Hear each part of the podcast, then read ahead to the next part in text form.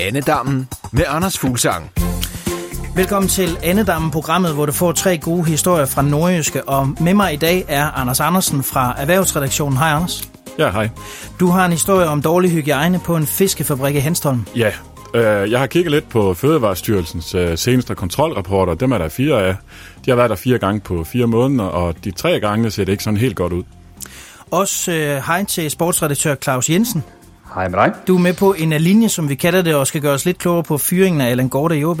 Jeg vil forsøge i hvert fald. Den kom jo sådan øh, for de fleste øh, ud af det blå, og jeg kan også forstå, at det er noget, der ligesom er opstået internt i OB i løbet af ganske få dage, og pludselig så står øh, Allan Gorte måske i en af sine bedre perioder i OB, og ikke længere har noget job, og OB er på vej i en anden retning, og det, det er der mange gode historier at lage i. Også velkommen her til Nana Holm Hansen. Jo, tak. Hej. Du er journalist på det, vi kalder nyhedsmotoren, og så går du rundt med en skør historie fra Jørgen. Ja, det er jo sådan, at øh, Heidi og René i Jørgen, de oplever, at uh, tyskere banker på deres dør og spørger efter en grøn papegøje. Øhm, og de bliver meget skuffet, når de finder ud af, at der er ikke nogen papegøje i det her hus i Jørgen. Øhm, og øh, nu er de faktisk begyndt at blive så skuffet, at øh, de er blevet troende, og det har fået familien til at overveje at flytte fra deres hus i Jørgen. Anders Andersen, vi øh, starter hos dig. Øh, ikke en, men flere sure smiley'er til en fiskefabrik i Hanstholm. Ja, og øh, de sidste par gange, det har været de værste. Man skulle tro, at de måske har lært noget af, at Fødevarestyrelsen har været der så mange gange inden for så kort tid. Men det lader ikke helt til at være tilfældet. Ja, for der har været et kontrolbesøg, som ikke gik så godt, og så et, der var positivt, og så gik det galt igen. Ja, eller? altså der, et besøg i øh, april, det så okay ud. Og så er det sådan blevet værre for anden og tredje forsøg, og fjerde besøg var også galt. Og det, der er problemet med, det er noget med, med noget rengøring og noget fødevaresikkerhed.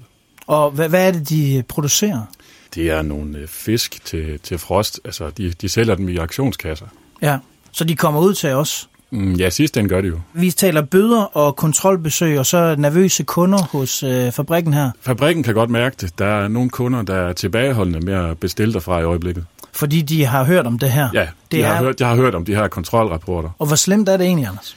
Altså, der har været øh, store problemer med øh, fiskeskil, som øh, de ikke har fået gjort øh, ordentligt rent forskellige steder i, i, på fabrikken.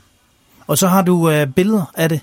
Ja, jeg har søgt øh, agtindsigt i, øh, i sagen her, og så har fået dem fra Fødevarestyrelsen. De tager jo altid billeder, når de er på kontroller. Og de billeder kan man se i artiklen? Ja, og der kan man se, hvor, hvor slemt det ser ud. Der er også et interview med øh, direktøren. Hvad siger han til det? Jamen, altså, han øh, beklager selvfølgelig forløbet, og så har han øh, nogle gode forklaringer på, hvad der er gået galt. Annedammen med Anders Fuglsang det bedste må vel næsten være det første vindue, vi havde. altså, tænker jeg rent faktisk, fordi der hentede vi jo, altså der endte vi jo med at vinde det dobbelt. Allan Gorte hørte du her fra en af de seneste udgaver af den podcast, der hedder Reposten. Vi skal til fyringen af Allan Gorte, den nu tidligere sportsdirektør i OB, og Claus Jensen, du er, hvis ikke ude med riven, så klar med en lille kæp og konstaterer, at Allan Gorte aldrig helt kom ud af Lønge Jacobsens skygge. Mener du virkelig det? Ja, det mener jeg, øh, og øh, det er jo ikke fordi, han nødvendigvis skulle øh, udvikle sig til en ny Lønge Jacobsen men, men han fik aldrig rigtig sådan den her øh, legendestatus, øh, og her taler vi også om fansene, altså de fik helt aldrig øh, sådan adopterede ham som deres egen, altså der var der var flere kritiske røster, end der var positive, når man kiggede rundt på de sociale medier. Og øh, det er jo også sådan, at når man så går hans øh, 34 indkøb igennem, som vi har gjort, jamen så, så er der jo flest af dem, som ikke rigtig blev til noget. Øh, faktisk 50 procent af, af alle indkøbene. Øh, så øh, det, det, det peger ligesom i retning af, at der var flere øh, svipsere, end der er succeser.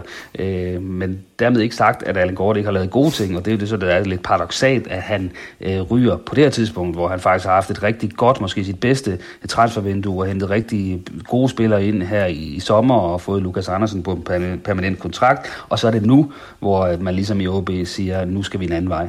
Du skriver fyring i din historie. Allan Gård siger, det var ikke en fyring. Er det en fyring, eller hvad?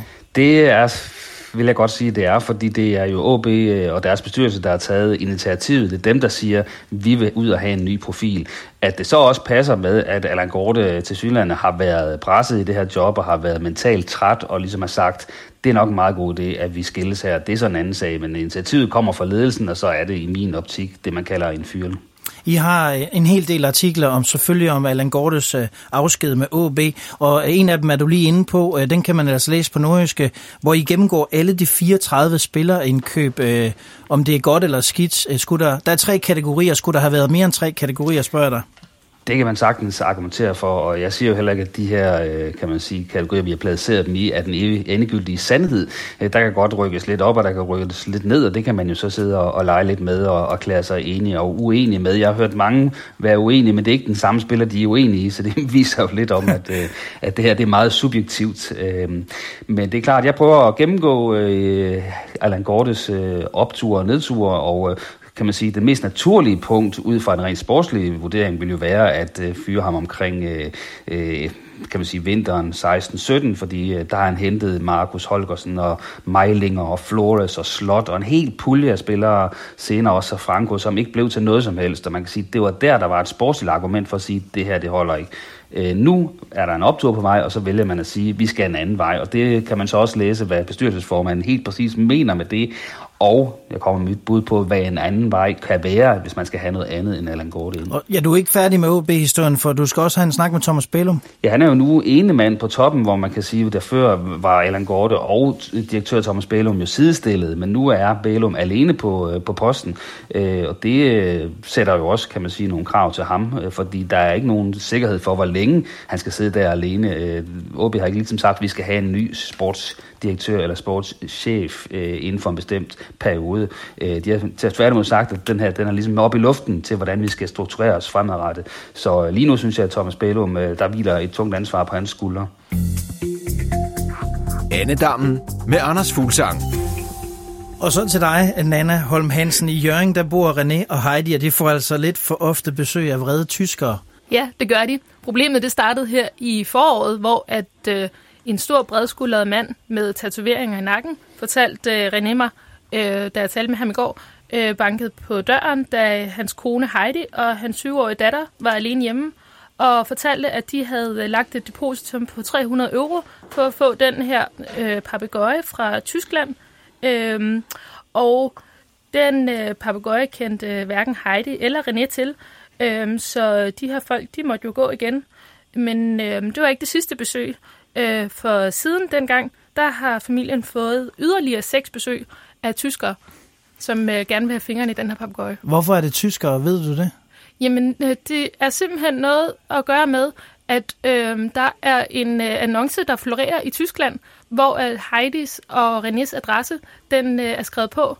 Øhm, og Heidi og René, de ved ikke hvordan. De her mennesker, de har fået deres adresse, men øh, de ved simpelthen bare, at øh, alle, der er interesseret i en grøn sjælden papegøje, de bliver sendt hen til dem. Altså, jeg ved, du grinede. Du skreg grin, da du hørte om det her, Anders. Ja, jeg synes, det er en fuldstændig vanvittig historie, det der. At det er selvfølgelig synd for familien, at de bliver forskrækket og måske har lyst til at flytte nu.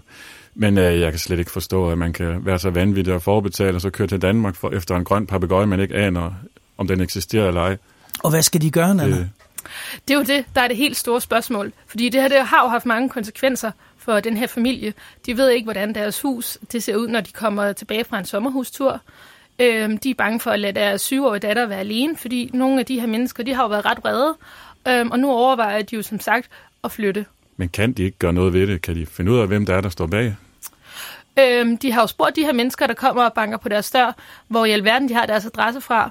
Øhm, men de her mennesker, de vil ikke helt ud med, hvor de egentlig har set den her annonce henne. Mm-hmm. Øhm, så det eneste, de kan få, det er fornavnet på en øh, tysk herre, øh, et eller andet sted i Tyskland. Øhm, og så kan de få lov til at se et øh, billede på de her menneskers mobil øh, af den her grønne papegøje. Mm. Men det er egentlig så tæt på, som de er kommet indtil videre. Og der er nok en eller anden, der så skummer de der øh, depositumpenge, som de så lægger, ikke? Jo, øh, det eneste vi ved, det er, at han måske hedder Frans til fornavn. Ja, okay. Held og lykke med at finde ham. Claus Jensen, øh, ligger du ind med specialistoplysninger om papegøjer? Vi har haft rigtig mange dyr i vores familie. Jeg tror, på papagøje har vi ikke været forbi endnu, men øh, det kan da være, at jeg skal overveje at køre en tur til, til Jørgen. Det, og, nej, det var nok... Du havde aldrig det. lagt øh, depositum for en papegøje øh, med 1500 km kørselsafstand? Det har du fuldstændig ret i. Jeg tror aldrig, jeg har lagt depositum for andet end en lejlighed meget tæt på. Det var dagens andedammen om dårlig hygiejne på en fiskefabrik i Henstholm, om øh, fyringen eller ikke fyringen af Allan Gorte, og så den her ret specielle historie, desværre historie om han, René og Heidi fra Jørgen, men lidt for populær papegøje. For historierne på nordjyske, abonner meget gerne på den her podcast. Tak til jer tre for at være med, og tak, til, Selv tak. Og tak til dig, fordi du lytter med. Ha' det godt. Hej hej. Annedammen med Anders Fuglsang.